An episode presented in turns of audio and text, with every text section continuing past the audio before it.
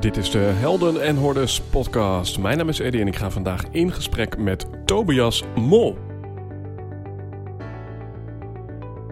In de zomer van 2016 ontdekten we dat we een schakel waren in een netwerk van mensen die wij Conscious Business Founders zijn gaan noemen.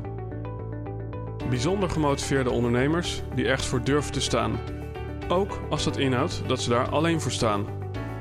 Die 200% toewijding willen geven voor 1% groei en zeggen: Dit ben ik en dit is mijn bijdrage aan een meer gebalanceerde wereld. Helaas kon je niet bij al deze gesprekken aanwezig zijn.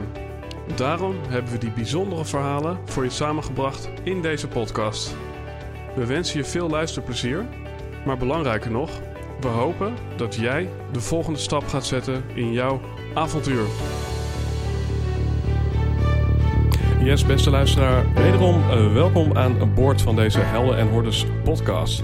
Waarin ik een heel tof gesprek heb gevoerd met Tobias Mol. Vol met mythes, oude verhalen en anekdotes. Waar jij als luisteraar heel veel van kunt leren voor jouw leven vandaag, in het hier en nu. Maar voordat we naar dit mooie gesprek toe gaan, rest me ook nog te zeggen dat we een hele fijne samenwerking hebben gehad. Een samenwerking waarin we onder andere hebben gewerkt aan het verwoorden van zijn klantbelofte. En dames en heren, die klantbelofte is heel mooi geworden. Dat is geworden een man die zijn bestemming weet, kan thuiskomen. Nou, raakt mij op meerdere fronten. Omdat het enerzijds gaat over de missie die je als mens of als ondernemer hebt. En anderzijds over thuiskomen. Het thuiskomen bij jezelf.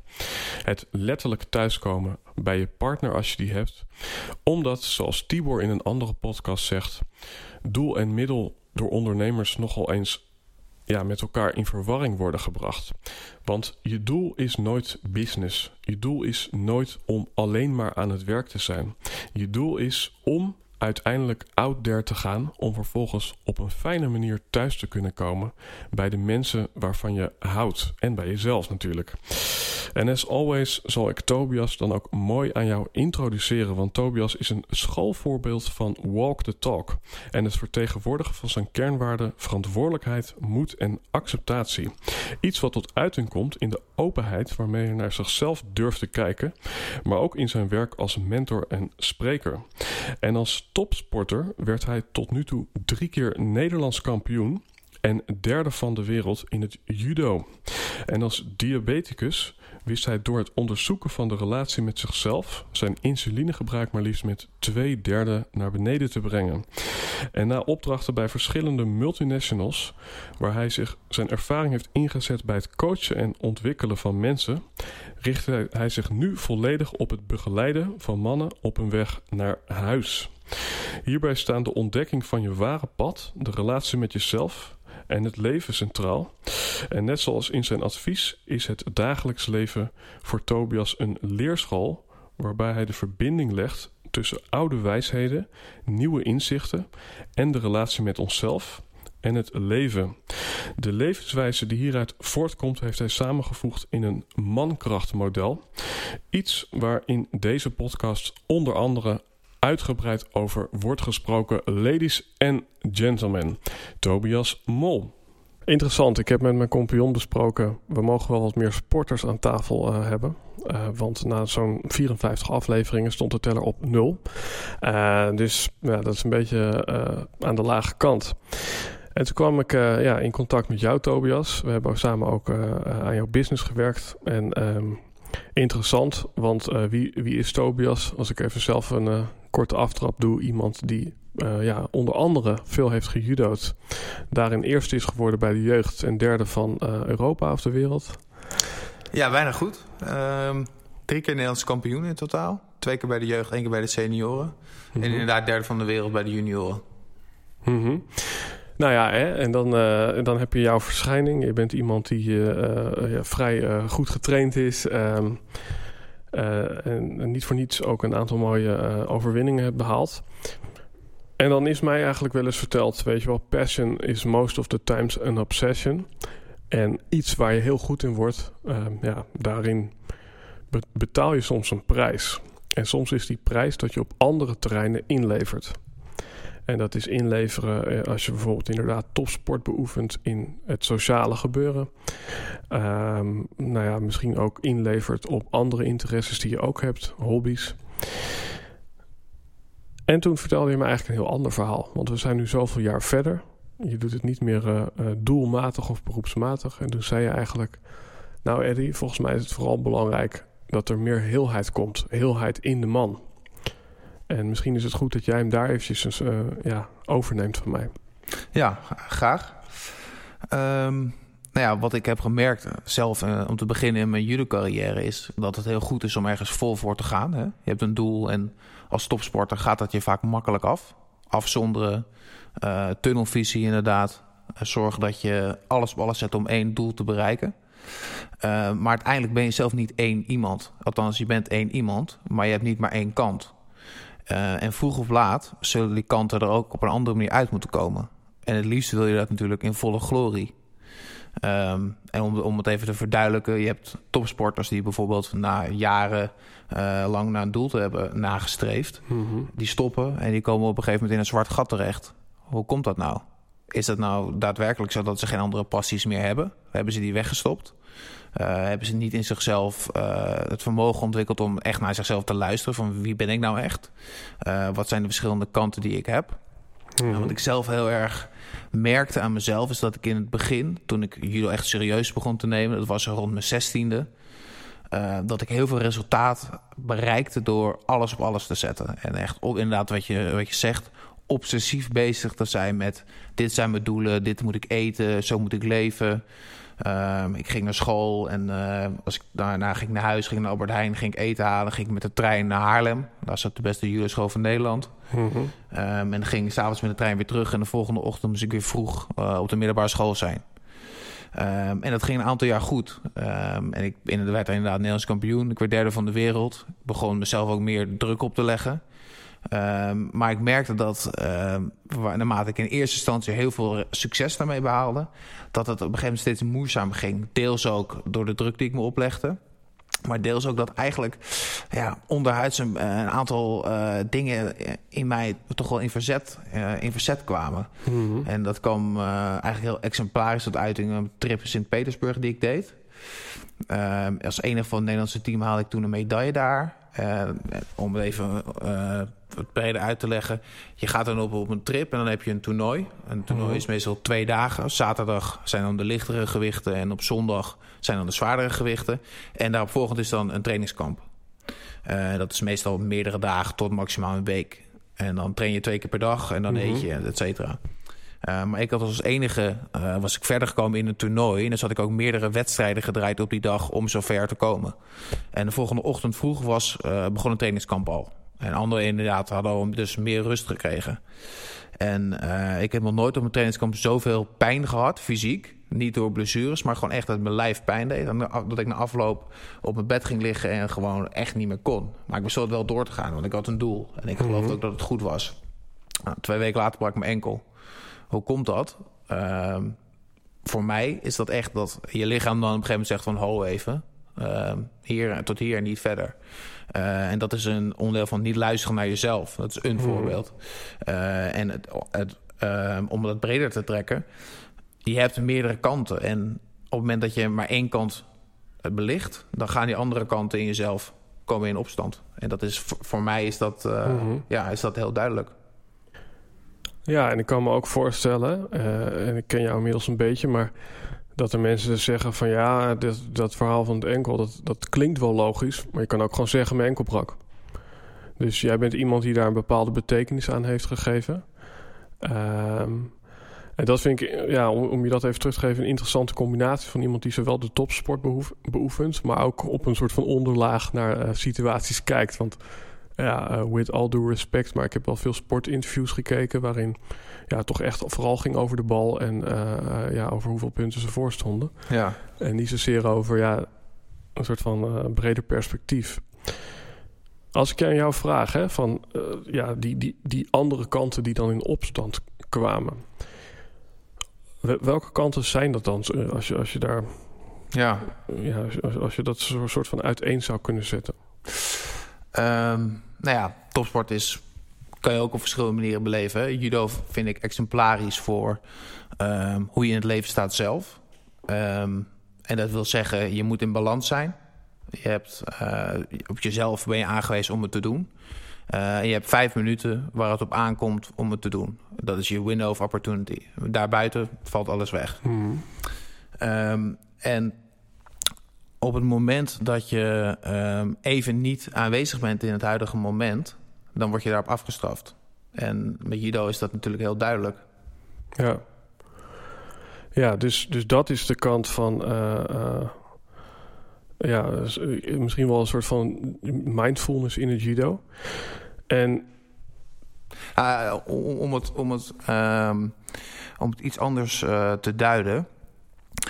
Voor mij gaat judo niet alleen op winnen. Topsport is niet alleen op winnen. Het is, het is eigenlijk een exemplarisch, het is een miniatuurvoorstelling van het leven. Wat er op dat moment op de mat gebeurt. Dus als jij inderdaad bezig bent met het behalen van succes, dan, dan is dat je doel. En dus dat hoe je het, het dingen heel letterlijk neemt. Eh, maar voor mij is het onderdeel van een groter geheel. Dus wat kan hoe ik in een judo-wedstrijd eh, sta, hoe ik eh, acteer, mij vertellen over mezelf. Uiteindelijk wil, uiteindelijk wil het leven, denk ik, eh, is altijd op zoek naar volledigheid. Als je een waterdam hebt, hoe meer water er komt, hoe groter de druk wordt op de dam. Ja. Uiteindelijk breekt die. Uiteindelijk wil alles in het leven altijd stromen. Ehm, alles is energie, wordt er wel eens gezegd. Ehm, en net als met water, met zee, Ja. je kan uiteindelijk de stroom niet tegenhouden. nee, Ehm, en je kan me beter aandacht hebben voor... oké, wat gaat er in mij om en wat heb ik nou nodig? ja, en zelf die verbindingen leggen. Wat hebben situaties mij nou te vertellen? Als ik in, een- op een judo-wedstrijd bezig ben... en ik merk dat iemand heel erg eh, agressief op mij, op mij afkomt... Wat, en ik, hoe, hoe handel ik daar nou naar? Wat zegt dat nou over mij? Ben ik iemand die heel hard terug gaat vechten? Ben ik iemand die eh, juist verstart? Dan heb je die free- freeze, fight, flight response. Ja. Hè? Ehm, en wat, wat, wat zegt dat nou over mij? Hoe ik, hoe ik eh, mij op dat moment in die vijf minuten begeef. Ja. En, eh, En is dat iets wat je achteraf dan gaat eh, duiden? Want ik kan me voorstellen dat je in die vijf minuten ja, daar niet heel bewust mee bezig kan zijn, of wel? Eh, nou, het wisselt echt eh, hoe je op dat moment mentaal in de wedstrijd zit. Ehm, er zijn wedstrijden waarin je echt volledig in een flow zit en dan is alles goed. Hè? Ja. Dan hoef je niet veel te analyseren. Want als je juist gaat proberen dat kunstmatig te bereiken, dan Ja. werk je jeze- jezelf alleen maar tegen. Ga je alleen maar in je hoofd zitten. Eh, er zijn andere momenten waarvan je ook denkt van nou, dit gaat helemaal shit. Dit, eh, ja, want ik, ik, ik, ik, ik kaart het even aan, omdat je, misschien ken je die sketch van Monty Python eh, uit onze ouderstijd. Waarin er elf filosofen letterlijk op het voetbalveld staan. En die staan met zo'n sikje, eh, staat Aristoteles een beetje naar het heelal te kijken. Ja, en als het ware te filosoferen en te bedenken hoe ze die wedstrijd kunnen winnen. Ja. Ja, en natuurlijk worden ze, terwijl zij omhoog kijken, ja, valt het ene doelpunt na het ander. Dus dat Ja. vind ik mooi, omdat dat eigenlijk die hele andere analytische, observatieve eh, kant laat zien. Naast die, eh, ja, die lichamelijke kant, waarin je gewoon die wedstrijd eh, speelt vanuit een, eh, vanuit een sterke con- conditie. Ja, Ellen Watts die zei... iemand die alleen maar nadenkt over gedachten... heeft uiteindelijk niets meer om over na te denken... dan wat er in zijn hoofd eh, afspeelt. Om het even te parafraseren. En hoe, meer je dat doet... Ja. op een gegeven moment kom je heel ver... van een directe ervaring van het leven af te staan. Ja, En uiteindelijk denk ik dat je is wel is wat je wilt... om het gevoel te hebben ja. wat heel veel mensen missen. En dat is namelijk echte leven. Ja, ja, ik moet even denken aan mijn compagnon. Die eh, luisterde vroeger naar een band die heette Het PI. En dan heb je zo'n tekst... I think I think too much. ja. En dat, dat is een Ja. soort van inception van gedachten. Ja, het is interessant. Ja. Hey, als we even teruggaan naar het aardse niveau. Welke... Ja, jij brak toen je enkel. Ehm, ja, welke dingen eh, vroegen er nog meer aandacht van jou? Hè? Want je bent nu zoveel jaren verder Ja. in je leven. En blijkbaar was het, het, het, het spelletje judo... dat was niet alles waar jij voor in de wieg was gelegd. ja. Wel, welke dingen zijn daar later nog aan toegevoegd? Ja, ehm, toen ik nog aan het judo was, merkte ik op een gegeven moment gewoon van... dit is niet voor mij het enige waarvoor ik ochtends uit bed kom. Eh, dit is niet waar ik alles uit kan halen wat ik in heb, maar ik wist nog niet zo goed wat dat was. Ehm, wat ik wel altijd heel erg heb gehad, is de neiging bij mezelf te onderzoeken van... wie ben ik nou en hoe kan ik in het leven staan? En ik had het gevoel dat ik iets in me had wat ik er niet uit kon krijgen. Ik kon het ook niet benoemen, maar ik wist van ik heb een bepaald soort potentie. En dat heeft niet zozeer iets met judo te maken, dat is meer wie ik ben. Ehm, maar ik was daar een beetje vervreemd van geraakt. Ehm, ja, op een gegeven moment merkte ik wel van ja, als je echt uh, dat voor jezelf accepteert en je ziet dat in voor jezelf, dan uh, de, ja, met de enige motivatie die je nog had om iets te doen, die wordt dan nog een stuk minder. Als je mm -hmm. ook iets bezig bent wat niet daarmee in lijn is. Als je ja. die andere delen niet in jezelf uh, kan vinden of kan vertegenwoordigen in je leven. Um, en voor mij was dat op dat moment gewoon tijd om te stoppen. Ik was, ja. was aan het vechten en um, dat werkte niet meer. Ja, en, en hoe moeilijk was dat? Want ik kan me voorstellen, uh, ja, uh, never change a winning team, maar ook um, gooi je kinderen niet met het badwater weg. Want hoeveel mensen komen er op dat niveau? Ik kan me voorstellen dat je omgeving daar ook een bepaalde weerstand aan gaf. Mm, nou, ik, voor mij was het eigenlijk, heel, uh, eigenlijk andersom gegaan. Dus uh, het is mijn ervaring dat naarmate je ergens voor kiest... en je weet dat het het juiste is, mm -hmm. dat weerstand vaak wegvalt. En dat wil niet zo zeggen dat dingen niet uh, moeilijk kunnen zijn. Want mm -hmm. ik heb de afgelopen, nou, de jaren tussen mijn 21ste en mijn uh, 26ste... denk ik de moeilijkste jaren van mijn leven geweest. Maar um, dingen gaan ook voor je werken. Je wordt wel kansen geboden om uh, de volgende stap te zetten in uiteindelijk uh, thuiskomen bij jezelf en die stroming van het leven uiteindelijk te ervaren. Die mm -hmm. volledigheid, om het zo maar even te noemen. Mm -hmm. En dat is ook wel hoe ik alles in mijn leven bekijk. Ik zie alles als kans om uh, dichter bij mezelf te komen. Ja. En dat is een, ja, een instelling die ik heb gebruikt vanuit, uh, vanuit mijn ziekte, diabetes dan. Mm -hmm. Ik gebruik insuline sinds mijn tweede. Um, en voor mij heeft dat een diepere betekenis. En dat is hetzelfde met uh, hoe ik met allerlei andere dingen omga. Ja, ja. Ja want jij geeft aan, dat, dat merk ik vooral, uh, aan allerlei dingen betekenis. Ja. Um, ja, en ik, ik, ik, kan ook helemaal meekomen in die betekenis die je eraan geeft. En welke betekenis heeft diabetes voor jou? Ik was heel jong toen ik uh, diabetes kreeg. Ik was twee jaar. En ik uh, vertelde in hoe je een tweejarige dan praat tegen mijn moeder dat ik me niet lekker voelde. Ik ben naar het ziekenhuis gegaan. En uh, nee, dat bleek inderdaad diabetes, type 1, kinderdiabetes. En um, nou, dan word je inderdaad aan de insuline gezet. En uh, in het begin is dat gewoon zo wat het is. En je, je leert daarmee omgaan. Je leert daar ja, ook wel een stukje verantwoordelijkheid door. Hè? Je bent heel erg verantwoordelijk voor, oké, okay, wat eet ik? Wat, je mm -hmm. bent eigenlijk ook niet echt kind meer op dat moment. Ja. En um, naarmate ik later uh, ook meer ging nadenken over inderdaad... wat hebben dingen die ik meemaak in mijn leven mij nou te vertellen over mezelf in eerste instantie... ging ik ook meer nadenken over, oké, okay, wat is nou de betekenis van diabetes? En diabetes mellitus, dat is de Latijnse benaming voor diabetes... dat betekent zoete doorstroom. En dan, je kan dan heel letterlijk mm -hmm. nemen van, oké, okay, de suiker die in je bloed doorstroomt... die blijft daarin doorstromen in plaats van opgenomen te worden in je lichaam. Daar ja. heb je insuline voor nodig. En iemand met diabetes, die maakt dat in mindere mate aan. Mm -hmm. dus, die, dus die suikers die blijven maar doorstromen in je lichaam. Maar uh, metaforisch gezien, of uh, als je daar uh, achter gaat kijken van wat kan dat nou nog meer betekenen, en dat is iets wat ik heel graag doe, uh, kan je zoete doorstroom ook vergelijken met de zoetheid van het leven. Leuke dingen ervaren, ontspannen, mm -hmm. accepteren van, van zaken, loslaten insuline loslaten in je bloedstroom. Vertrouwen. Vertrouwen dat uh, wanneer ik dingen loslaat uh, en controle opgeef, dat dingen goed komen. En uh, naarmate ik daar steeds meer over na ging denken, dacht ik wel van hé, hey, hoe uit zich dat in mijn leven? Want ik geloof wel dat wat zich op een bepaald niveau, op miniatuurgebied in je lichaam afspeelt, dat het zich ook moet uiten op groter gebied. Dus wat er op een heel klein gebied, nou, je, een, een cel in je lichaam is opgebouwd uit moleculen. Ja. Die moleculen zijn weer opgebouwd uit atomen.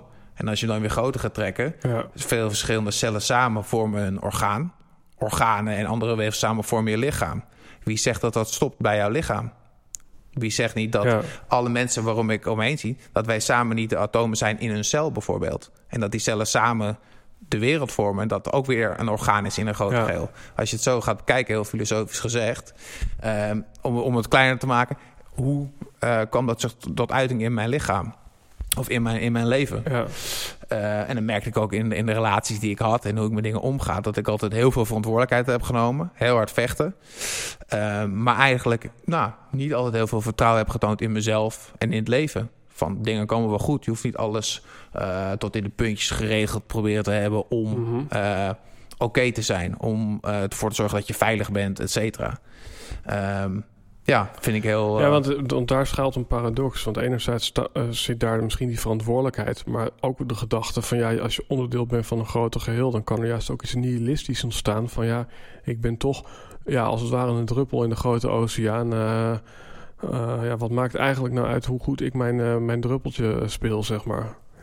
Ja, dat is net hoe je het bekijkt natuurlijk. Ja. Ehm, aan de ene kant ben je een kleine druppel, maar aan de andere kant ben je als druppel in de oceaan ook de hele oceaan zelf. En ook verbonden. En alles wat jij doet heeft impact op het geheel. Ja, En ehm, ik denk dat dat ook ehm, twee invalshoeken zijn. Enerzijds eh, de invalshoek van, ja, je staat eigenlijk los van alles wat er om je heen gebeurt. Hè? Mhm. Eh, je, bent een, je bent een druppel en ehm, alles wat er, wat er voor de rest gebeurt, je, je neemt het waar. Ja, maar het heeft verder, ja, maar heeft het weinig impact. En anderzijds kun je ook denken van, nee, ik ben geen druppel, ik ben de oceaan. Ja, Dus eh, ik heb de kracht van de oceaan in me. ja. Het heeft allemaal met je perspectief te maken Ja. natuurlijk. Ja, en heel metaforisch, eh, waar we toch al in zitten, zou je misschien kunnen zeggen: de Tobias eh, die judo deed, was misschien ja, te veel gespitst op alleen die druppel. Ja. En te weinig op de oceaan. En daarna kwam misschien een filosofisch hoofdstuk. waarin je misschien alleen die oceaan was. ja, precies. Ja, Ja. en, nu, en nu mogen doen en zijn misschien meer een lijn komen. En dat is waarom, ja. waarom wij misschien nu ook samen stappen hebben gezet. Ja, ik- ja, ik geloof wel, eh, vind ik wel mooi dat je dat zegt. Dat je, kijk, als kind leer je bepaalde eh, manieren aan om om te gaan met de dingen die je meemaakt. En een kind is Mhm. daar heel handig in natuurlijk. Hè? Een kind wil overleven, die wil eh, de band met zijn ouders behouden, want daar ben je afhankelijk ook van. Ja. En een kind doet alles om te overleven.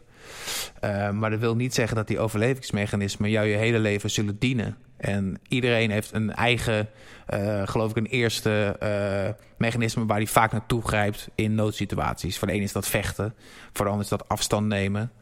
Voor weer een ander is dat passief zijn en de situatie Ja. maar proberen te omarmen. Of er één te worden met Ja. de situatie. Van eh, ik ben een muurbloempje, om het zo maar even te zeggen. Ja, dat is misschien iets heel geks, hè, maar eh, we zijn lekker aan het filosoferen. Maar eh, blijkbaar zijn we niet goed in staat om afscheid te nemen van het stuk wat, ja, wat, wat diende in die beginfase. Dus ook weer een mooie metafoor. Eh, de zijwieltjes die ons dienen om te leren fietsen, die schroeven we nooit meer los. Ja. Dus die, die- we blijven die mechanismen eigenlijk gebruiken. Zou je niet kunnen stellen dat we gewoon allemaal veel te oud worden met z'n allen? en, dat, en dat we daardoor gewoon nog twee eh, derde of, of, of vier vijfde misschien zelfs van ons leven...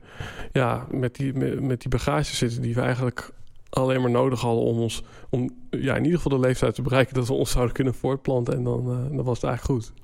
Ja, de, de vraag is denk ik ook wel weer... ehm, zoals jij nu bent, zoals jij nu in het leven staat... ehm, heb je dan het gevoel dat jij eh, je maximale potentie hebt geleefd? Als het antwoord nee is, dan moet je misschien nog even blijven. Ja, ja ik mag nog wel even blijven. Ja, Ja, ja. Eh, Ook weer even terug naar de inhoud. Je zei, ik kreeg op jonge leeftijd die eh, diagnose. En daarin ja, hè, ontst- ja, word je eigenlijk meteen al een soort gebombardeerd tot jongvolwassene. ja. Weet je wel, je, je moet gewoon eh, op het schoolplein... eh, moet je zelf misschien die verantwoordelijkheid nemen om even bij te spuiten. Terwijl andere eh, vriendjes misschien over het hek springen... om stiekem, Ja. stiekem naar een snoepwinkeltje te gaan. En je wordt dan ook een beetje een, een, een een buitenbeentje. En je leert Ja. jezelf het ook een beetje aan. Ja, want ik kan me ook voorstellen dat, dat, je een, dat je een soort weerslag krijgt de andere kant op. Dat je nu, nou ja, 27 ben je, eh, geloof ik. Maar dat er ergens dan op latere leeftijd een soort van gemiste jeugd eh, ja, zich ontvouwt. En dat je misschien, eh, of net zoals ik, krankzinnig kinderspeelgoed gaat sparen. Of dat je een keer te veel drinkt. Of Ja. de ene na de andere naar, naar rechts swipet. En Ja. is dat zo? Uit, uit zich ergens in jou een, een ja, het, het, het kind Tobias? Ehm, ah, ik heb wel een periode gehad waarin ik meer eh, feestjes afging en eh, meer sociale relaties mijn voldoening probeerde te behalen. Maar uiteindelijk is dat ook niet Tobias en ook niet het kind Tobias. Ehm, meer eh, iets in Tobias die op zoek is naar het kind zichzelf, maar hem nog niet heeft gevonden. Mhm. En om terug te grijpen naar waar we het net over hadden, inderdaad, van door iets in je leven kan het soms gebeuren dat je jong volwassen wordt. Mhm. Op jonge leeftijd volwassen wordt. Het kan een ziekte zijn, maar het kan ook uh, een sterfgeval in de familie zijn... waardoor je vroeg de verantwoordelijkheid krijgt om zorg te dragen voor broertjes of zusjes enzovoort. Um, en dat deed me denken aan een verhaal van uh, een kraai. Wist jij dat een kraai vroeger wit was? Volgens de Griekse mythologie. Uh, ik dacht vroeger als in uh, een jong kraaien, de, de, de eerste kraaien, dacht ik. Maar je bedoelt gewoon de eerste, ja, de eerste okay. kraaien die ja, schijnen wit geweest te zijn. Maar die zijn op een gegeven moment zwart geworden. Uh, en het verhaal daarachter volgens de Griekse mythologie, dat is dat een kraai die werd de schone taak toebedeeld om de vrouw van een van de goden in de gaten te houden. Die ging op een reis die god. Die ging ergens een, een, taak vervullen. En zijn vrouw, die geen god was, maar een, een sterveling tussen aanhalingstekens, um, die bleef achter. Uh, maar die vrouw die raakte op een gegeven moment verliefd op een andere sterveling. En die uh, deelde met hem het bed. En die witte kraai die zag dat en die ging naar deze god toe. Die vloog naar die, waar, die god toe, waar die god zich bevond, vloog hij naartoe. En vertelde hem het nieuws. Dat is eigenlijk de boodschapper. Mm. En uh, die god werd erop zo boos dat hij niet alleen uh, zijn zus, die ook een god was, zijn vrouw liet vermoorden, maar dat hij die duif ook verbrandde in zijn woede. En zo is die duif Oh, ja. zwart geworden. En uh, die god, dat was Apollo. Dat is de god die staat voor, voor dichter, voor kunst, voor dans, muziek, plezier. Mhm. Maar ook voor gezondheid en ziekte. Uh, en wat heel grappig is, is dat uh, de duif eigenlijk de waarheid... want Apollo is ook de god van het licht... hij, gebruikt, uh, hij bracht de waarheid aan het licht... en werd daar vervolgens voor afgestraft. Dat is, vind ik heel Mhm. metaforisch. Um, je neemt de verantwoordelijkheid, je hebt een bepaalde Mhm. missie... en je brengt besluit om die naar het licht te brengen... en vervolgens word je daarvoor afgestraft. Wat, wat heeft dat te betekenen? Ja. Wat is het verhaal daarachter? Als je die verbindingen, na, als je die verbindingen gaat leggen. Uh, en ik geloof heel erg dat uh, bij het nemen van verantwoordelijkheid.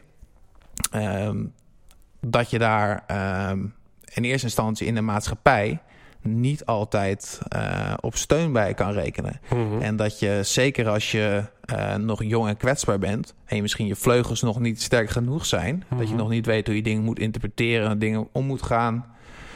Um, dat je daardoor je vleugels aan kan branden. En dat het je, als je niet oppast, uh, ook voor kan zorgen dat je Ja. niet meer durft te vliegen. Niet meer naar, dingen naar het licht durft te brengen. Ja. Um, dus die verantwoordelijkheid nemen is denk ik heel goed. Um, maar uh, ja, niet zonder gevaren. En, Ja. uh, maar uiteindelijk geloof ik wel dat je daar sterker van wordt. Ja, en, en, dat, en dat, dat is uh, wat mij betreft heel interessant en bijna een rode draad nu al door jouw verhaal. Want je zegt nee tegen het spelletje judo. Maar je weet nog niet waar je ja op zegt. Want je hebt op dat moment je missie nog niet helder. En ik moet ook denken aan het boek Essentialism, waar ik het in een andere podcast ook over heb gehad. Daar wordt geschreven: wie ja zegt is populair. Wie nee zegt krijgt respect van de mensen waar het werkelijk om gaat. Vind ik heel mooi. Het kan mij zelfs raken. Maar het is ja, ook vanuit de evolutie gezien heel raar om nee te zeggen. Want voor je het weet word je afgestoten uit de tribe. En wat voor gevolg heeft dat voor, jou, voor jouw welzijn? En dan vraag ik me toch af van... Ja, uh, hoe uh, heb jij eigenlijk uh, gehoor gegeven aan jouw missie? En je, je, zegt ook, weet je wel, je helpt mannen hun missie te verwezenlijken. Mhm. Um, terwijl je eigenlijk niks in return ziet. Je ziet niet een soort worteltje hangen voor een ezel van nou, als ik gehoor geef aan mijn missie, dan krijg ik deze of deze beloning. Nee, uh, sterker nog, uh, voor je gevoel ben je anders dan anderen omdat je misschien wel zo bewust met je missie bezig bent. Mhm. Maar je bent ook, zeg maar, de zwarte kraai... Uh, die niet uh, echt weet wat zijn plek nou is. Ja. Um, en ja, mijn eerste uh, copingmechanisme is geweest uh, vechten. Hè? Uh, mijn sterrenbeeld is een leeuw. En wat dat betreft ging me dat ook wel makkelijk af. Vechten als een leeuw. Ik was Ja. altijd wel heel moedig en ik durfde wel uh, te staan voor wat ik vond. Maar ik moest daar ook, zoals jij inderdaad mooi in de intro zegt van, van de podcast... ik moest er ook alleen in staan. Mhm. En ik heb ook wel eens geprobeerd om mij daarin te schikken. Of om in ieder geval uh, nou, de connectie aan te gaan met anderen. Misschien op een gebied niet helemaal uh, mijn eigen was. Uh, of zoals, uh, ja, zoals een Gielke, waar ik dan vind dat hij hele mooie stukken heeft geschreven. dat dan zegt van, ja, ehm, als je merkt dat je heel erg afstand hebt van de mensen om je heen, dat betekent dat je eigenlijk al heel ver bent op je weg, om het even te ja. parafraseren. Uh, en zoek dan met de mensen om je heen een soort van gemeenschappelijk stuk die hen niet confronteert met die afstand, uh, et cetera. Ja. Um, en ik van ja, dat is mooi, maar dat wil niet zeggen dat je daar niet eenzaam in bent. Mm -hmm. En um, nou, op een gegeven moment leerde ik wel dat alleen dat vechten, uh, bijvoorbeeld met die enkelhalf, voor mij geen zin had. En uh, wanneer ik dat door bleef gaan, dan ging het zich ook op lelijkere manieren uiten. Waar ik eigenlijk ja, steeds minder dicht bij mijn doel kwam te staan. Namelijk uh, mijn eigen potentie benutten en een gevoel van thuiskomen ervaren. Ja.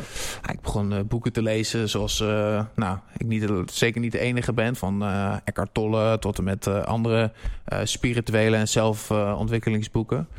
en dacht ik, ja... Um, Misschien moet ik mijn eigen uh, manier waarop ik naar dingen kijk wel veranderen. Hè? Misschien moet ik meer vanuit de objectieve waarnemer naar dingen gaan kijken. En echt, uh, nou, er is, geen, uh, er is geen goed en kwaad. Dat is allemaal heel rationeel bedacht. Hè? Er is niet. en met judo, ja, um, ik kan wel dingen winnen, maar. Um, wat, wat uh, eigenlijk uiteindelijk, uh, wat maakt het eigenlijk ook allemaal ook uit. Hè? Ja. Uiteindelijk staan we er allemaal los van. En dan ging ik heel erg meer een beetje vanaf afstand. Dan komt een soort nihilisme van. Uh, ja. ja, maar ook een beetje inderdaad van wat maakt het eigenlijk allemaal ook uit. En dan merk je ook dat je nou, wat roekeloze dingen gaan. Ja. is ook een beetje onderdeel van jeugd misschien. Maar, ja, dan moet ik denken aan Jan Bommeré die zegt van. de, de enige zin van het leven is de zin die je eraan geeft. En dat, ja, dat is denk ik hier de paradox. Weet je wel, uitgezoomd maakt geen fuck uit. Maar als we dan toch kiezen om het spelletje mee te spelen, ja, dan, dan conformeren we ons aan de regels van het spelletje. Um, zou, je dat, zou je dat willen? Oh, conformeren aan de regels van het spel. Nou ja, kijk, als je het heel letterlijk neemt, als je een spelletje Risk speelt hmm. en ik ben rood en jij bent groen, ja, dan is het denk ik wel fijn om, om je daaraan te houden en en dan ook die identificatie aan te gaan met jouw kleur. En dan ook ja, echt er vol voor te gaan om, om dat spel te winnen. Ja. Maar ik denk dat het wel helpt om constant een soort van bewustzijn te behouden dat je toch ook maar een spel speelt. Dat laatste vind ik ook heel mooi, inderdaad. Ja. En het moet inderdaad een spel zijn wat je ook wilt spelen volgens die regels. Ja. Wat dat betreft vind ik bijvoorbeeld de film The Matrix heel mooi. Uh, van inderdaad, je wordt soms geboren in een bepaalde uh, samenleving met regels. Maar dat wil niet zeggen dat die altijd uh, bij jou passen. En dat die uiteindelijk eh, ja. Ehm, jou helpen. Ja. Nou, en dan even naar jouw stuk. Hè? Dan ben ik eventjes benieuwd van... Zometeen gaan we er verder op in, maar... Waar jij in mensen in ondersteunt, is dat om hun eigen spelregels te vormen? Of om binnen de spelregels die er bestaan je rol zo goed mogelijk te spelen? Dat vind ik eigenlijk een, uh, vind ik een hele goede vraag, maar ook een onmogelijke vraag. Omdat het eigenlijk beide niet is. Um, het, het, is niet het een of het ander.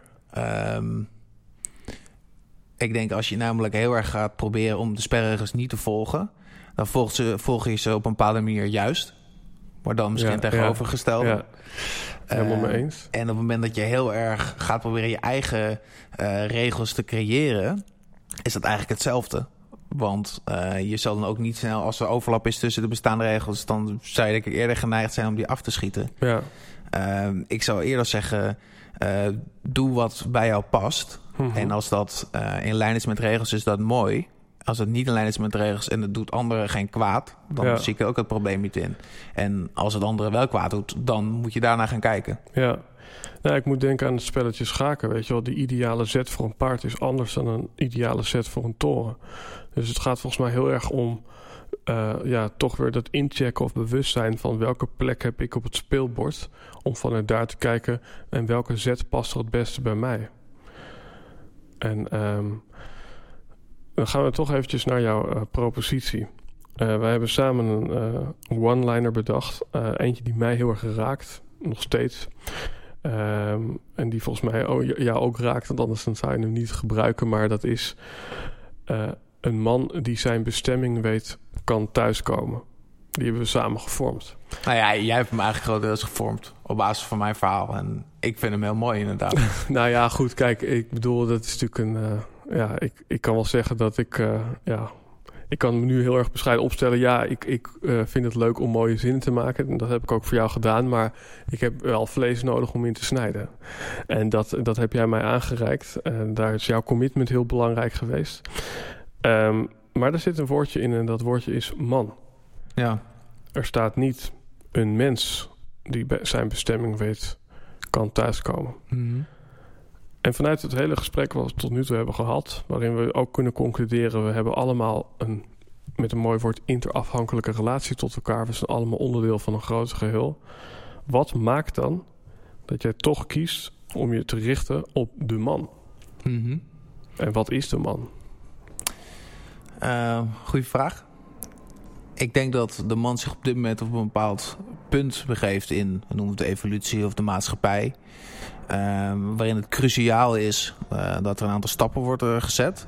In eerste instantie voor, voor hemzelf, om gelukkig te zijn. Um, en in tweede instantie ook voor de samenleving, om vanuit uh, een mannelijke energie, die mhm. overigens ook vrouwen hebben, uh, ik geloof er wel heel erg in dat uh, ik als man zijnde ook vrouwelijke energie heb en vice versa.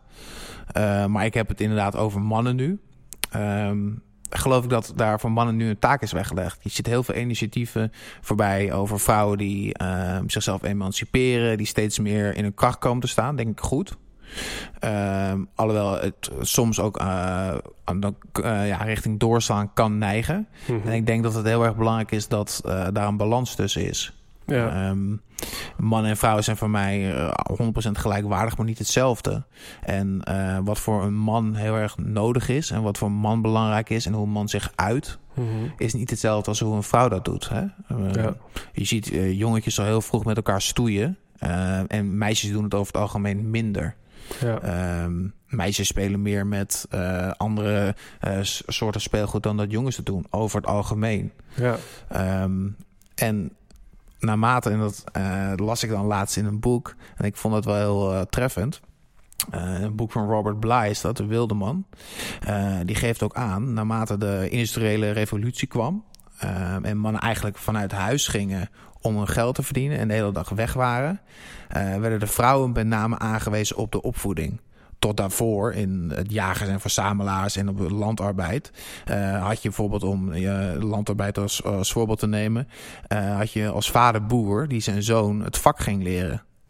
Die ja, was echt, ja. uh, als jongen had je een voorbeeld uh, van een man die een bepaald ambacht had. Die daarbij in zijn kracht stond. Want dat is zijn expertise. En hij bracht het over op zijn zoon. Hij was daar als voorbeeld. Niet alleen door wat hij zei, maar ook door zijn daden. Uh, maar naarmate de industriële revolutie kwam en mannen naar kantoor gingen. Um, viel dat helemaal weg. Ze zagen een vader s ochtends met een koffer en een pak de deur uitgaan. En s'avonds kwam hij chagrijnig thuis, omdat hij niet helemaal deed uh, wat bij hem paste. Um, en daardoor hebben veel mannen ook een stukje respect voor hun vader verloren. Want ja, hij kwam wel thuis. Maar wat deed hij nou eigenlijk? Uh, op basis van wat zou je er aanzien voor moeten hebben? Hè? Uh, in plaats van dat hij je een skill leerde. Dat ja. is, bouwt toch een, een, band tussen mannen op. Ja. Um, en veel moeders die hebben dus, zijn dus als eerste voorbeeld geweest voor jongens. Van hoe ga je met emoties om, et cetera. Vanuit de allerbeste wil. Uh, maar zich niet altijd bewust zijn van dat hoe een vrouw met dingen omgaat. Dat er niet voor een man werkt. Maar hoe kan zij dat ook aan een jongen laten Ja. zien als zij zelf geen man is? Ja. Um, en ik denk dat het wel heel cruciaal is dat mannen dat uh, alsnog leren. En in dit plaatje, waarin de, de man eigenlijk een soort gilde doorgeeft aan zijn zoon. Wat, uh, wat, wat was daar de rol van de vrouw? Hoe bedoel je dat? Nou ja, hè, ik zie voor me een, een boer die geeft uh, door hoe je het land uh, moet uh, bewerken met een ja, bepaald gereedschap. En ja, in, in, in dat scenario, waar was de vrouw dan? Um, ik denk in de eerste jaren van, van het leven van hun jongen speelt de moeder sowieso een hele grote rol in de opvoeding. Mm. Maar naarmate een jongen een zekere uh, leeftijd bereikt, je ziet ook veel in uh, stammen, inheemse stammen in bijvoorbeeld Afrika, dat jongens van naarmate ze in de puberteit gaat, op een gegeven moment worden weggehaald van hun moeder en een soort inwijdingsritueel moeten gaan doen. Ja. En uh, ik heb zelfs gelezen dat uh, moeders die weten dat dat op een gegeven moment gaat gebeuren. Hè, dan halen de vaders de jongens ochtends vroeg uit hun bed terwijl ze liggen te slapen. En in het begin huilen ze om hun moeder. Dat is veilig, dat is het Ja. vertrouwde. Het staat voor ja, moeder aarde. Hè? Je, Mhm. band met eh, het, het grotere geheel, maar ook voor, voor veiligheid en je anker, et cetera. Die wordt weggehaald. Want op een gegeven moment is het tijd voor een man om op zichzelf te staan. Ja, En ehm, in, de, in het geval van die inheemse stam worden ze dan vaak in het bos gestuurd. En dan moeten ze daar bijvoorbeeld een bepaalde tijd zien te overleven of wat dan ook. Eh, en ze mogen in die eerste tijd niet meer eh, met hun moeder omgaan. Totdat ze op zichzelf als man zijn eh, geworden en zichzelf als man hebben erkend. En dan kunnen ze weer met hun moeder omgaan, maar dan op een andere manier. Dan zijn ze niet meer de afhankelijke van. Maar Ja. dan zijn ze eh, ja, vrij, om het zo maar even te noemen. ja. En in de huidige tijd, eh, ik zie inderdaad het plaatje vormen van... eh, nou, een man komt thuis en eh, het enige wat hij eigenlijk meebrengt... is ook niet eens die fysiek zak geld. Dus Ja. Weet je, je, je ziet niet eens waarvoor hij de deur uit is geweest. Ehm, je ziet eigenlijk alleen iemand die eh, waarschijnlijk ja, een tikkeltje oververmoeid is. Ja, prikkelbaar Eh, wellicht. Ja, eh, ook weinig geïnteresseerd. En ja, dus ik denk, ja, zoals Elko Smit dat een, een daddy issue noemt, die hier ook in de podcast heeft gezeten, maar er zijn heel veel mannen die een ja, niet al te fijne relatie met hun vader hebben. Ik heb ooit met hem daar een hoofdstuk in een boek gevormd met de titel De schone schijn van het schoolplein. Waarin eigenlijk wordt beschreven dat heel veel mannen of iets doen om iets recht te zetten op het schoolplein. Dus ze werden gepest en ze willen indruk maken als ze al wat ouders zijn en kopen een grote auto om te imponeren bij dat jongetje op het schoolplein die al lang uit beeld is, want we zijn twintig jaar verder. Ofwel de erkenning en eh, ja, waardering zoeken van vader, eh, die er eigenlijk fysiek nooit was en daardoor ja, een gebrek aan eh, waardering heeft kunnen geven. Ehm, ja, en waarom zeg ik dit? Van, mijn vraag is welke problemen of uitdagingen ervaart Mhm. een man vandaag de dag eh, ja, door eh, ja, dit systeem Ja. doorgaans? Ja, nou, net kort aangehaald dat ehm, veel moeders, het veel moeders zijn die Ja, eh, op hun jongens eh, omgangsvormen eh, aanleren. ja, het kan zowel zijn omgaan met emoties, maar ook dat je die mag stoeien. ja precies. Hoe je je emoties naar anderen uit. Ja. Ehm, of je, hoe je boos mag worden, hoe je woede mag uiten. Ehm, en later, als ze naar de basisschool gaan. Ik denk dat nou, 80% van de basisschoolleraar vrouw is. Ja, Ehm, en heel mooi. En ik denk ook dat het eh, op zich wel natuurlijk is. Want vrouwen zijn over het algemeen iets verzorgender dan mannen. Ehm, je ziet meer vrouwen in een verzorgend beroep. En eh, je hebt meer mannen die een fysiek beroep uitoefenen. In, in de regel. ja, Ehm, maar dat betekent dat de jongens op dat moment nog steeds geen voorbeeld hebben. Een mannelijk voorbeeld. Mhm. om de mannelijke manier eh, Ja. aan te leren. Dus Ja, en dat is heel interessant, want, want dan kom je bijna op een stuk van, hè, weet je wel, in, vanuit het feministische stuk is er ja toch ook wel eh, dat vrouwen een soort van valse onzekerheid eh, ervaren over eh, hun waarde en hun rol. Maar ik kan me go- goed voorstellen dat voor mannen dat minimaal net zo geldt, omdat je ja, nooit eh, eh, ja, het gevoel hebt gehad eh, ja, dat, dat, dat je dingen goed hebt geleerd of zo. ja. En als ik dan eventjes naar jouw programma ga. En eh, jij, jij noemt jezelf mentor of gids. Ik weet niet, eh, volgens mij is het mentor. Ja. Ehm, dan zie ik zo voor me dat je inderdaad met mannen op pad gaat. Of met mannen in gesprek gaat. Of dat man- mannen via elkaar eh, ja, tot inzichten en ja, respect en vertrouwen komen. Maar ben je dan niet eigenlijk, als ik het eventjes een beetje sorceer aan het genezen... Dus het zijn eigenlijk allemaal, als ik het even plat druk, gewonde mannen. Want die hebben misschien allemaal niet genoeg eh, con- connectie ervaren met hun vader. En zijn dan van jou eh, of mijn leeftijd. En voelen zich allemaal niet helemaal op hun plek. En weten allemaal niet zo goed wat ze hier nou komen doen. Hoe, hoe, hoe help je deze mannen? Ehm, nou, ik, ik vind het wel, wel grappig dat je inderdaad zegt van eh, gewonde mannen. Eh, maar eh, ik weet niet of je de uitspraak kent van eh, een man die denkt dat hij een, een ridder in schijnend harnas is, heeft nooit echt zijn zwaard getest. Of heeft nooit echt zijn harnas, harnas getest. Ehm, en ik denk dat als je op een bepaalde manier nooit ehm, de strijd aan bent gegaan, met je Mhm. innerlijke beperkingen bijvoorbeeld, en dat je denkt dat je ehm, volledig ongeschonden eh, en zonder littekens uit de strijd bent gekomen, dan denk ik dat je wel op een bepaalde manier in een illusie leeft. Maar je kan je littekens wel overstijgen. Ehm, en hoe help ik mannen? Ehm, nou, in eerste instantie gaat het erom dat uh, je leert erkennen dat je verschillende kanten in jezelf hebt. Uh, ik gaf het voorbeeld van, ik heb mijn eerst, eerste jaren van mijn leven heb ik heel hard geleerd om te vechten. Op een gegeven moment heb ik geleerd om afstand te nemen. Dus meer los te komen van dingen. Um, het vechten werkte op een gegeven moment niet. -hmm. Op een gegeven moment dacht ik, ja, nu heb ik het gevonden. Ik, uh, ik sta gewoon los van de dingen en ik laat dingen gewoon lekker gebeuren. Ja lukt ook nooit 100%. Hoor, want als dingen dan niet gaan zoals ik wilde, dan was het toch wel eventjes, ja. toch nog eventjes vastpakken. Of uh, dat ik dan dacht ik had het losgelaten. Maar dan was het nog steeds. Maar hoe kan het nou? Heb ik het dan wel losgelaten? Um, hetzelfde voorbeeld als ik een, een, bal vast heb in mijn hand. En ik laat hem hier boven de tafel laat ik hem los. Dan uh, zie ik hem nog steeds. En dat ik hem nog zie, betekent niet dat ik hem niet heb losgelaten. En als ik weg ga duwen, dan kom ik alleen maar zelf van mijn plek. Ja, ga ik weg ja. van mijn centrum. Maar dan heb ik nog steeds, ben ik nog steeds bij de bal. En als ik hem dan loslaat, vanaf die plek waar ik dan ben, dan zie ik hem nog steeds. Ja. Dus loslaten is niet hetzelfde als niet meer zijn of niet meer zien. Ja. Um, maar op een gegeven moment werkte dat ook niet meer. Alleen maar dingen uh, vanaf een afstandje proberen te bekijken. En uh, ik merkte ook nog steeds niet die, die connectie die ik zocht. En eigenlijk ook heel logisch als je er zo over nadenkt. Door afstand te nemen heb je niet automatisch connectie. Ja. Um, dacht ik, ja, hoe kan dat nou? En het werd ook wat meer gevoed door een relatie die ik op dat moment had. Ik kwam op een gegeven moment een, een meisje tegen. We hebben gewoon te daten. En ik vond haar zo uh, afstandelijk op een bepaalde manier. En ik begreep het niet. Ik dacht, ja, hoe kan het nou dat ik iemand aantrek in mijn leven... die zo afstandelijk en koeltjes op mij overkomt? Ik, als zo'n open persoon. Ik ja. ben bereid om overal over te praten. Als je een vraag hebt over hoe ik me ergens bij voel... Weet je, ik ben altijd bereid om, uh, om daar openheid van zaken over te geven. Hoe kan het dan dat ik, uh, dat ik zo iemand aantrek? En ik was wel altijd nog altijd wel bezig met... Nou ja, wat heeft dat dan te betekenen, hè? Mm -hmm.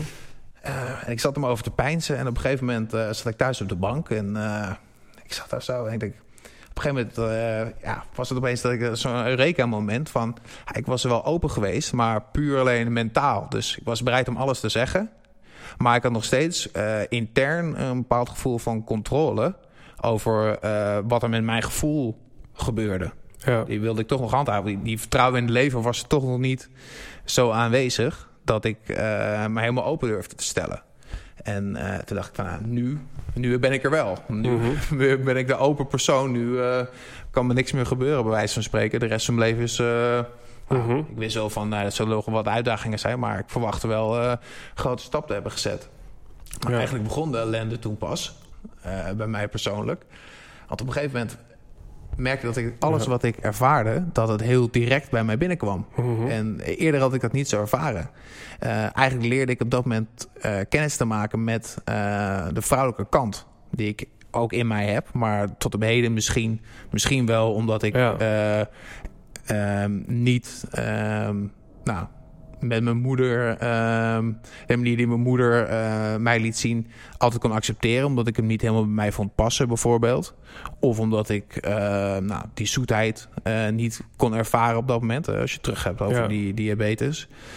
Um, en opeens kwam het allemaal 100% bij me binnen. Dingen waar ik bang voor was. Uh, dingen die ik wilde voorkomen. Um, niet weten wie je zijn, uh, wie je bent. Op een gegeven moment, uh, ja, kom je dan uh, heel direct in contact met... oké, wat uh, beperkt mij nou echt? Mhm.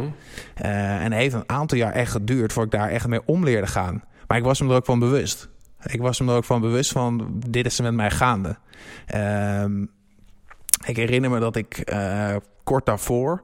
Een keer mezelf in mijn eentje ook thuis zat. En um, ik, had, ik zat een boek te lezen en daar stond van... op het moment dat je bepaalt wie je bent...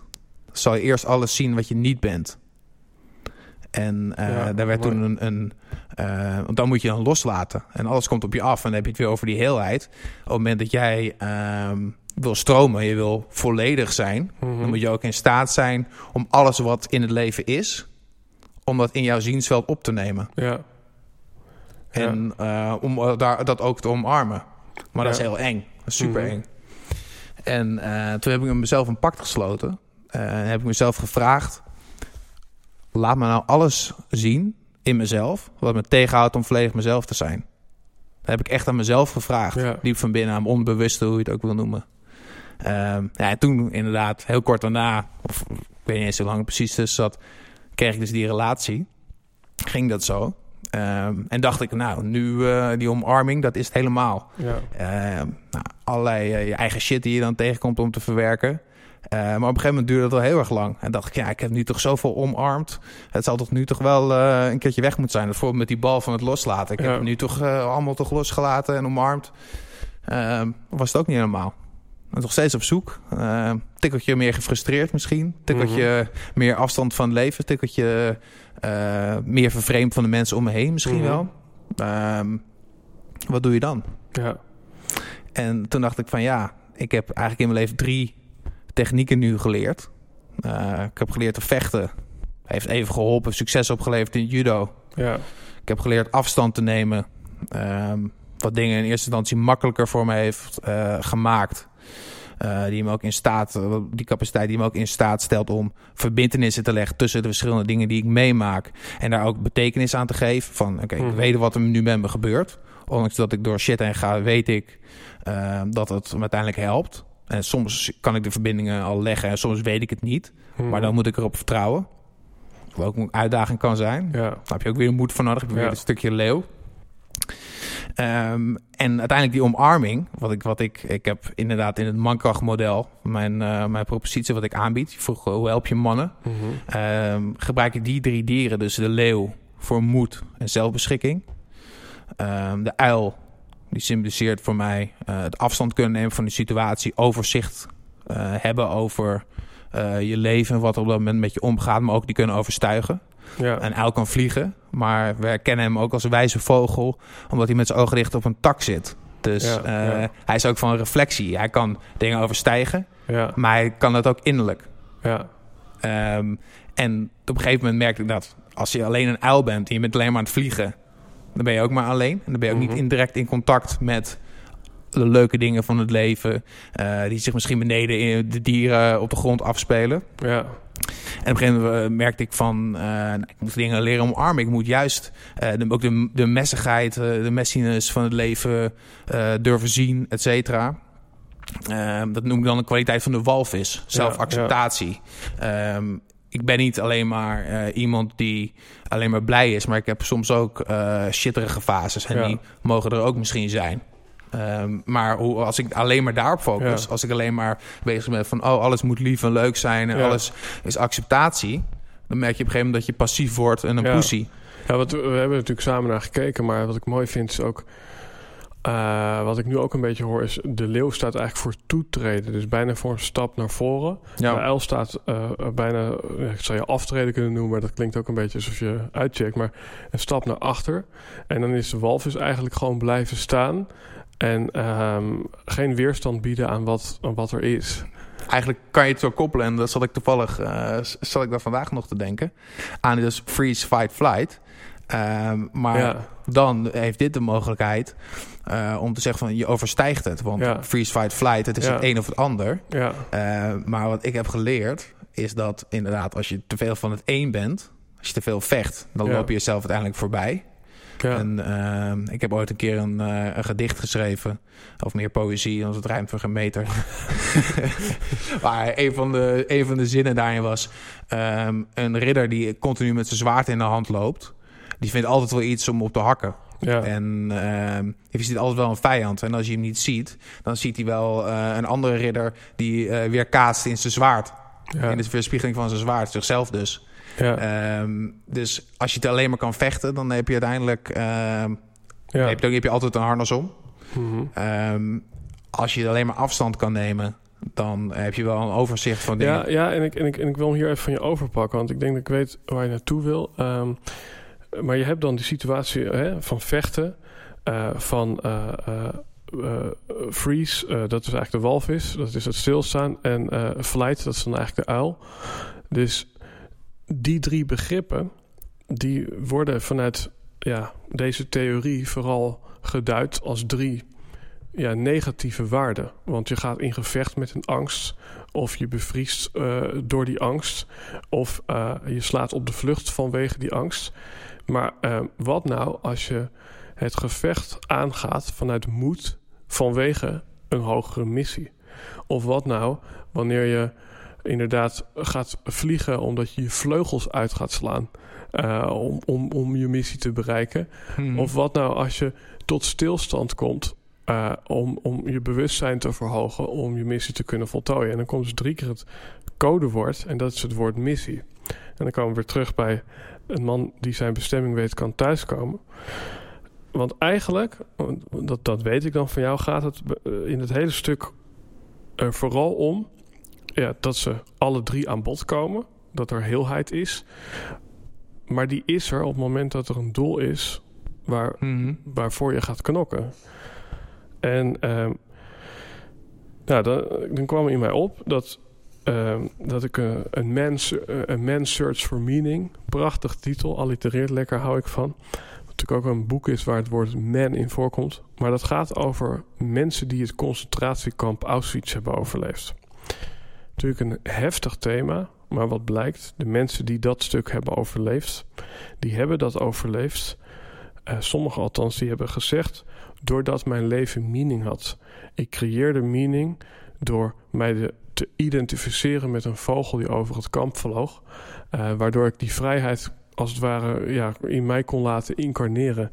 Of um, ik kon de gedachte dat ik thuis kwam en dat ik dan ineens heel veel kon eten. En dat ik dan misschien ja, uh, ja, ordinair uh, boeren en scheten ging laten of zo. Die gedachte kon me aan het lachen maken. Ofwel de waarde die ze daar op het kamp hadden als persoon. Dus als, als mens heb je een waarde. En je kiest ervoor om toch, ook al heb je honger, de, de ander die het harder nodig heeft dan jij op dat kamp een groter stukje brood te geven dan je zelf hebt gehad. Maar de conclusie van het boek is dus: een man search for meaning. Van je moet echt op zoek naar meaning, naar een missie, naar zingeving. Mhm. Om het daar überhaupt uit te houden, kan ik me Ja. zo voorstellen. Maar dan is het dus ook heel logisch. Want het enige wat de Duitsers hun niet konden afnemen was hun gedachtegoed. Hun, hun mooie fantasie. En dan vraag ik me dus eventjes af van... hoe kan de moderne man, de man nu we dit opnemen in 2019... Mhm. nog gehoor geven aan zijn missie? Want er is eigenlijk niks op, op essentieel niveau waar wij een doel moeten stellen. We hoeven Nee. niet het doel te stellen om genoeg te eten te hebben, want dat is een soort nulwaarde. Gezondheid eigenlijk ook niet. Rijkdom eigenlijk ook niet, want ik heb wel eens gehoord dat een man van nu meer rijkdom heeft dan een koning in 1800. Zo. Ja, en dan kun je dus afvragen, en dan leg ik hem weer bij jou neer. Hoe, beste Tobias, kan ik mijn missie vinden? Ja. En hoe kan ik het urgent maken voor mezelf om die missie ook Mhm. ja, na te streven? Terwijl het zo makkelijk is om met een zak chip YouTube te gaan kijken op de bank. Maar wanneer, uh, om het even, ping ik hem gelijk weer terug. Um, als jij met een zak chips op de bank zit, um, kan, misschien kan je een avond in de week doen, voel je prima bij. Uh, maar als je dat uh, twee weken achter elkaar doet, uh, hoe voel jij je dan? Um, ja, waarschijnlijk uh, kut. Ja, ja, ja. ja. Uh, we, hebben, we hebben het net uh, wat uitgebreid gehad over, over leeuw uh, en uil. Hè? Afstand ja, nemen ja. en vechten. Um, maar wat minder over walvis. En ik weet niet of je het verhaal Jona en de walvis kent. Dat is een verhaal uit de Bijbel. Ja, dat ben ik niet. Ik kan hem niet uh, navertellen. Ja, ik, ik, ben, ik ben niet gelovig, maar ik vind wel dat er mooie dingen in staan. Dus ik vind het wel leuk om heel kort uh, aan te stippen. Um, Jona, ik, ik zal een hoop details weglaten of uh, eigen betekenis aan geven. Maar uh, Jona die leefde op een, bepaald eiland. En die kreeg op een gegeven moment een bezoek van God. Een bericht van God. Hij moest namelijk de mensen op een ander eiland gaan waarschuwen... Uh, voor een overstroming die eraan zat te komen. Of een ramp. Jona die had daar geen zin in. Die wilde dat niet. Um, dus hij besloot anders. Hij besloot tegen die opdracht in te gaan. Um, en hij ging een, aan boord van een schip. Hij vroeg aan een aantal schippers: mag ik met jullie meevaren? Die precies de andere kant op ging dan het eiland waar hij heen zou moeten gaan. Oh, om die opdracht te vervullen. Nou, op een gegeven moment uh, raakte dat schip in, uh, in noodweer. En de storm die werd zo groot dat uh, iedereen overboord dreigde te slaan. En hij voelde zich ook wel een beetje schuldig. En uh, hij zei tegen mijn manningsleden, ja jongens, dit komt gewoon door mij. Want uh, ja, ik heb de missie van God niet aanvaard. En ik, ja, daarom word ik gestraft. En die bemanning wilde hem niet overboord gooien. Maar hij zei, ja jongens, gooi me maar overboord. Uiteindelijk werd de storm zo hevig dat ze het toch maar hebben gedaan.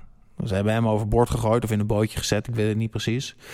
En uiteindelijk werd hij overspoeld en uh, nou, kwam mee onder water te liggen. Uh, wat er gebeurde is dat hij werd opgeslokt door een walvis. En mm -hmm. je zou denken van je gaat dood, maar niet in dit verhaal. Mm -hmm. Hij leefde in de maag van de walvis. Um, en daar zat hij voor nou, een aanzienlijke tijd. En op een gegeven moment zei hij, ja god, ik heb geprobeerd die van weg te rennen, maar ik kan het niet. Mm -hmm. um, ik accepteer de opdracht die je me hebt gegeven. En nou, wat denk je wat er gebeurt? Hij wordt uitgespuugd en komt op een gegeven moment komt hij aan land aan op de plek waar hij zou moeten zijn om de mensen te waarschuwen voor die ramp. Ja, mooi. Ja. Um, dus jouw connectie met jezelf, je zelfacceptatie, gaat ook uiteindelijk om de acceptatie van je missie. En ik geloof niet dat je je missie kiest, je missie kiest jou. Ja. En um, heel veel mensen zullen dat zeggen ik weet niet wat mijn missie is, dus mijn missie heeft mij niet gekozen. Nee, ja. je bent er onvoldoende ja. mee in contact, omdat je jezelf niet hebt geaccepteerd. Ja, dus iets... exact. En dat is super mooi dat je dit zegt. En ik kan me voorstellen dat de luisteraar af en toe denkt, uh, uh, waar hebben jullie het allemaal over? Maar kijk, ik heb zelf wel eens aangehaald dat ik, uh, dat ik me echt compleet kwijt was. En dat is eind november 2018 geweest. En dat is een moment geweest waarin ik twee vragen constant aan het stellen was. Wat wil ik en wie ben ik? En beide kreeg ik er geen antwoord op. Niet op wat wil ik, omdat me de hele tijd ja, mijn ego ertussen kwam. Namelijk, wilde ik dat of wilde mijn aanzien dat? Of wilde mijn erkenning dat?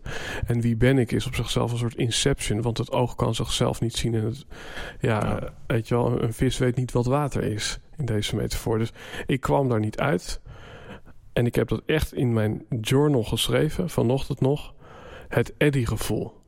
En dat is voor mij het gevoel waarin ik soort van zonder crap gewoon puur mezelf was.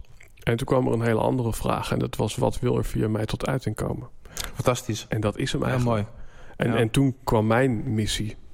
En dat, eh, ja, eh, dat, dat is waar ik jou nu mee geholpen heb. Anders hadden wij elkaar niet eens ontmoet. Ja, nee, klopt. Ja. Ehm, maar dat, vind- hè, alsnog dat voorbeeld met die zak chips op die bank.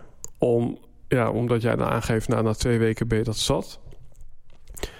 Hè, en dan kan ik me voorstellen dat je na twee weken van die bank afgaat. En dan ga je kijken welke missie er via jou tot uiting wil komen.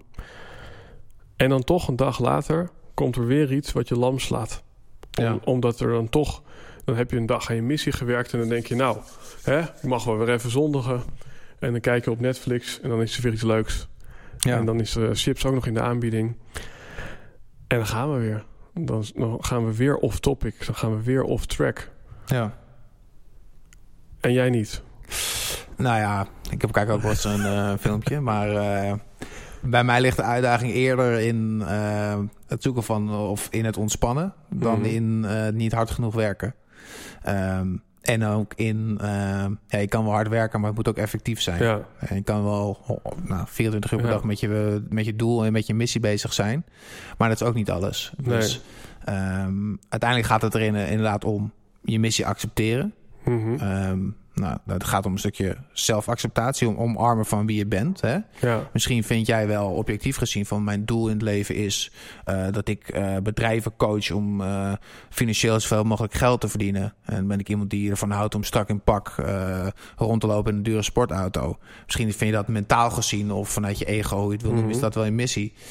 Maar dan heb je jezelf niet geaccepteerd. Het moet trouwens Als- een hele grote auto zijn als je kan rondlopen in die sportauto. Je weet het niet, hè? ja, goeie. ja, Ja, ja, sorry hoor. Dat maakt niet uit. maar ehm, ja, het, het, het is uiteindelijk... ehm, uiteindelijk is het belangrijk dat je eh, bij jezelf nagaat van... doe ik dit Mhm. Eh, omdat het is een uiting is van wie ik ben, inderdaad. ja.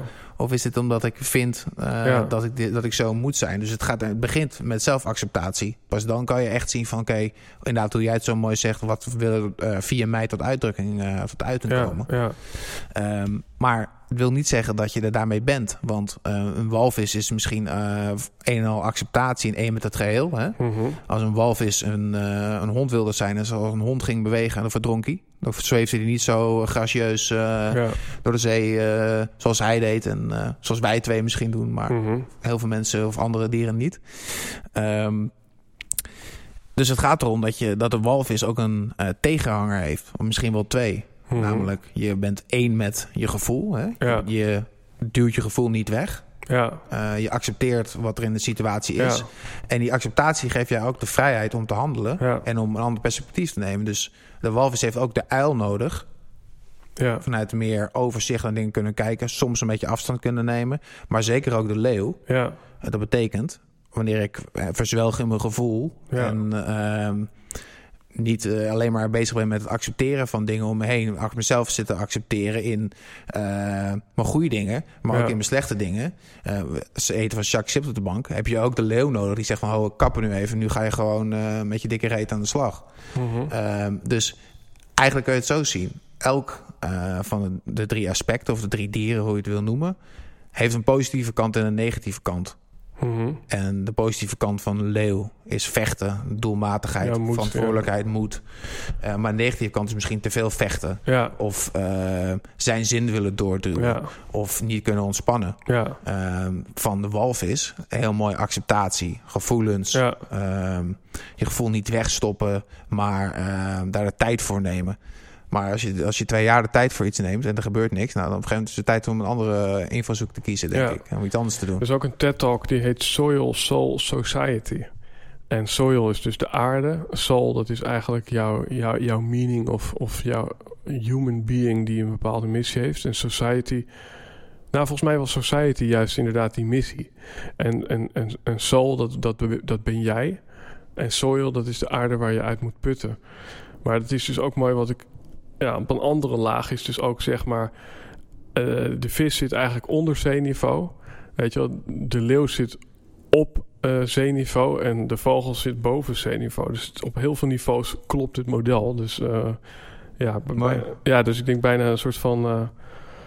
ja, ik, ik denk ook dat dat is ook mijn filosofie, die hanteer volgens mij ook. Maar als, als, als het in een metafoor helemaal klopt, ja, dan, dan, dan, dan klopt het in de, in de werkelijkheid vaak ook. Weet je wel, dan, dan is het gewoon een goed model. En ehm, wat ik eigenlijk, je, je zei het tijdens het eten en dat was dat je met een andere invalshoek naar een probleem moest kijken. I- Je, je citeerde iemand waarvan je niet wist wie het was. Kan je dat nog een keer herhalen? Weet je het nog? Ehm, Of dat je vanuit een andere Oh, ja, invalshoek... ja.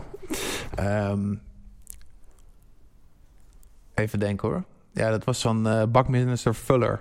Mhm. Die zei, een eh, probleem kan nooit worden opgelost op hetzelfde niveau als dat het Ja. is ontstaan.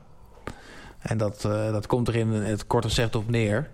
Ehm, als jij wilt afvallen, Mhm. je vindt dat je te veel eet, dan moet je doel niet willen zijn: ik wil dat ik dunner word. Want dan ga je alleen maar denken aan eh, dunner worden, dunner worden.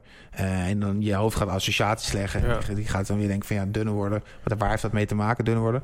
Eten. Waar denk je dan uiteindelijk aan eten? Ja, Ehm, uiteindelijk moet je denken van wat wil ik zijn? Gezond. ja, Dus dan ga je, trek je op Ja, een ander niveau. En dan denk je gezond. Dan denk je aan gezondheid. Maar wat denk je dan? Mhm. Groenten, sporten.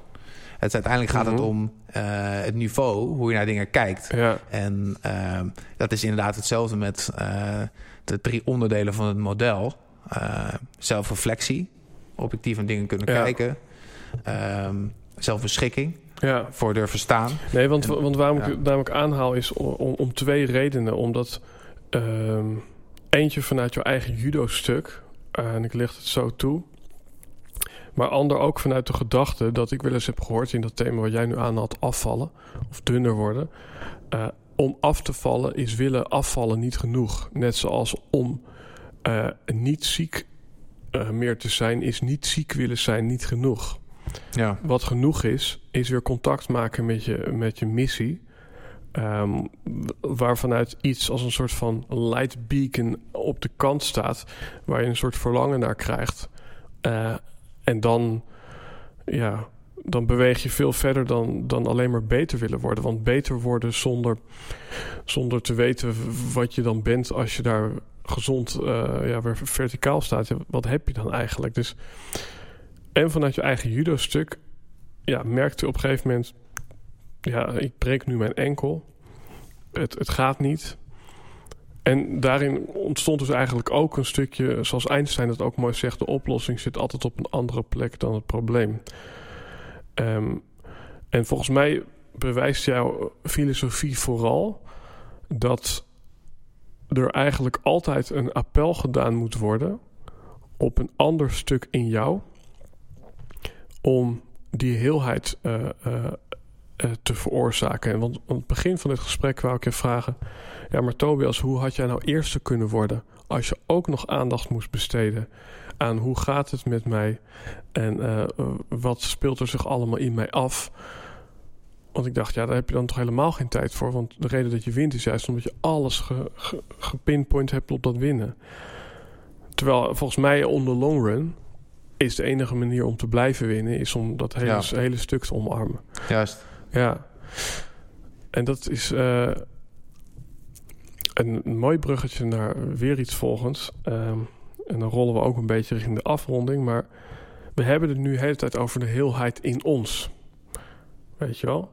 Alle onderdelen van Tobias erkennen, onderzoeken... Uh, ja, om er het maximale uh, uit te kunnen halen. Maar in jouw bedrijf gaat het ook om connectie.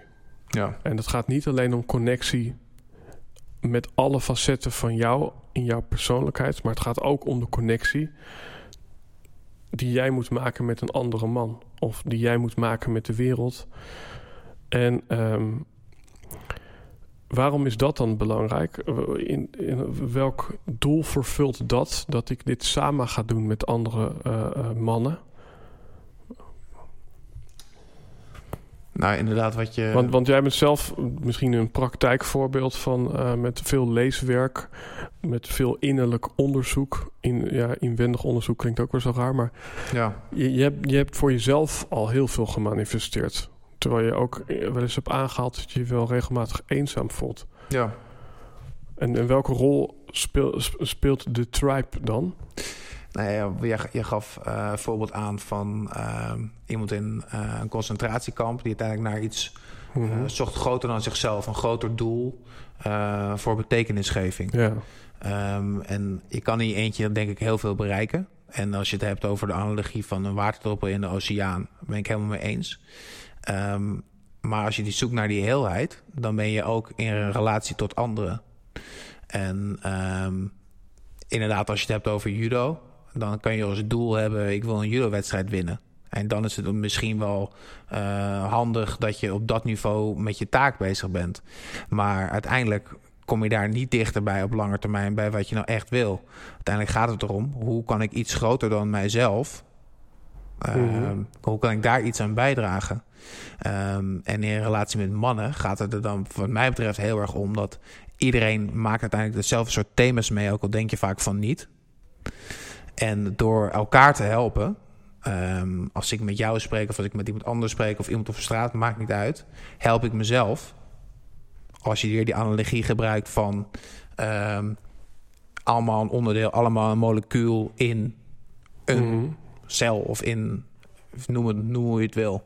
Dus um, door een ander te helpen, help je jezelf. Mm -hmm. En heel praktisch gezien, um, soms heb je ook gewoon uh, iemand anders nodig met een verfrissende blik die jou even de waarheid zegt. Ja. En dat is denk ik heel zeldzaam. En um, veel mensen die uh, zich met persoonlijke ontwikkeling bezighouden, met name mannen, die um, zijn vaak wat minder benaderbaar. Ik gaf het zelf ook aan. Die zijn vaak wat afstandelijker.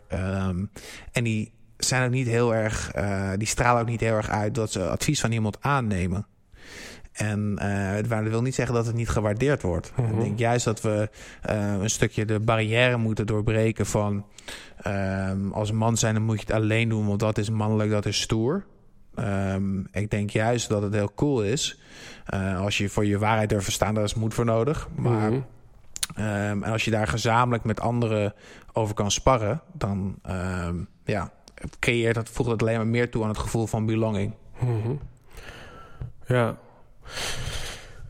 Ja, interessant. En eh, ik denk ook die connectie, die appelleert ook aan als je inderdaad een vader hebt die jou niet heeft geleerd een bepaalde ambacht eh, te ontwikkelen. eh, en er daarna eigenlijk ook niet was, omdat hij eh 9 tot 5 op kantoor zat. Dan is er ook gewoon disconnectie met, met andere mannen. Dus, weet je ik bedoel, in, in welke vorm kom jij Ja. nou... als iedere man inderdaad individueel een missie najaagt... Ja, weet je wel, eh, waar, waar kom je die andere mannen dan nog tegen? Dus volgens mij is dat stukje verbinding ook heel belangrijk. Eh, juist omdat, waar we het eerder over hadden... die eenzaamheid vaak een bijproduct is van eh, ja, het leven van, van zo'n missie. Ehm, wat zou jij de luisteraar willen meegeven? Want wij, ja, wij zijn in staat om lekker met elkaar door te keuvelen. Eh, dat gaan we binnenkort ook doen met een biertje erbij. Een, eh, een mannelijk avondje uit, zeg maar. nee, maar wat, wat zou je de luisteraar willen meegeven om ja, meer vanuit zijn missie te gaan leven?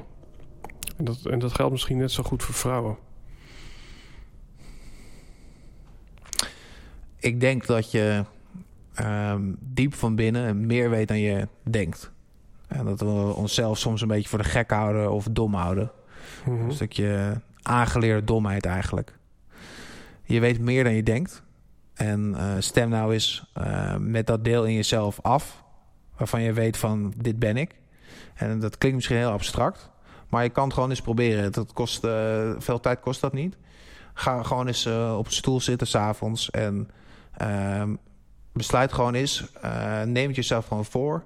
Ik leg nu verbinding met dat deel in mezelf wie ik echt ben. En ga daar nou eens het contact mee aan en zie wat er gebeurt. Tof. Ja, ja ik, ik denk dat ik een van die mensen ben die dat dan ook gaat doen. Ja, het is misschien ook reconnect, hè? Dus, eh, Ja, nee, we hebben het hier over connectie, maar Ja, reconnecten is denk ik ook een hele belangrijke. je bent het eigenlijk al. Ja. Tof. Ehm, nou hebben we het net natuurlijk gehad over jouw concept. Als iemand een eerste stap met jou wil zetten...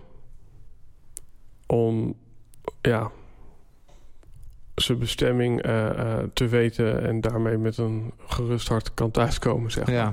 Eh, ja, waar kan die een eerste stap nemen?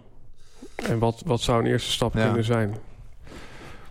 Ik denk dat de allereerste stap moet zijn bij jezelf af te vragen van... ben ik nu bereid om deze reis aan te gaan? Ben ik hier klaar voor? Ehm, anderen kunnen je vaak wel zeggen van eh, je bent er klaar voor. Of eh geldt ook met relaties. Hè? Eh, als iemand zegt dat iemand er niet klaar voor is, geloof diegene dan maar. Ook al denk je nou dat het wel of niet zo is. Als iemand namelijk zichzelf heeft voorgenomen dat hij niet klaar is, gaat hij Mhm. nooit doen of het nou wel of niet objectief gezien zo is. Dus ben je er klaar voor om een stap aan te gaan? Ehm, en dan is de invalshoek ehm, het dier wat er op dit moment het meest bij jou uitkomt. Daar heb, een, heb ik een test voor ontwikkeld. Dat is echt meer als introductie. Ehm, welk dier, wat is nou jouw go-to eh, mechanisme? Is dat nou eerder nou vechten? Is dat nou eerder nou afstand nemen? Of is dat eerder nou omarmen? Ehm, die staat ook op mijn website, die binnenkort online komt. Ehm, Mhm. Die is waarschijnlijk online eh, als deze podcast. Ja. eh, ja. En vul die nou eens in. En als je op basis daarvan denkt van ja, dit snijdt wel hout, Mhm. dan ga ik graag met je in gesprek. Tof. Ja, dus eh, voor, eh, eh, voor iedereen op dit stuk geldt dat je een stukje leeuw nodig hebt. Een stukje dapperheid, moed om de eerste stap te zetten. Zo zie ik dat dan eventjes. Ehm, ja, echt heel tof gesprek. Ik, ja, ik, ik voel hier ook een soort van connectie, weet je wel. Omdat ik ook denk van, ik, ik ben soms ook zo'n man searching for meaning. En dan in mijn eentje in een bibliotheek een paar boeken weg eh, akkert. En dan, ja, dan is het gewoon fijn om te mer- merken dat er nog meer gekjes bestaan. en ehm, ja, voor de luisteraar, als je hierover wilt meespreken, over het thema mannelijkheid, over het thema heelheid, je missie. Misschien heb je er zelf een mooie toevoeging aan te doen. Misschien wil je Tobias iets vragen. Misschien wil je via ons in contact komen met hem. Dan kan je eventjes met de hashtag Helden en Hordes kan je over meepraten op Instagram, Twitter en Facebook. Of reageren onder een van de posts. In de show notes vind je meer informatie over Tobias. En bij deze zeg ik al een aantal mooie boeken die jij hebt gelezen. Want daar hebben we het niet inhoudelijk over gehad. Die zal ik ook even in de show notes opnemen. En dan uh, wil ik je hartelijk bedanken voor deze aflevering. En voor de luisteraar tot de volgende aflevering. Thanks for having me.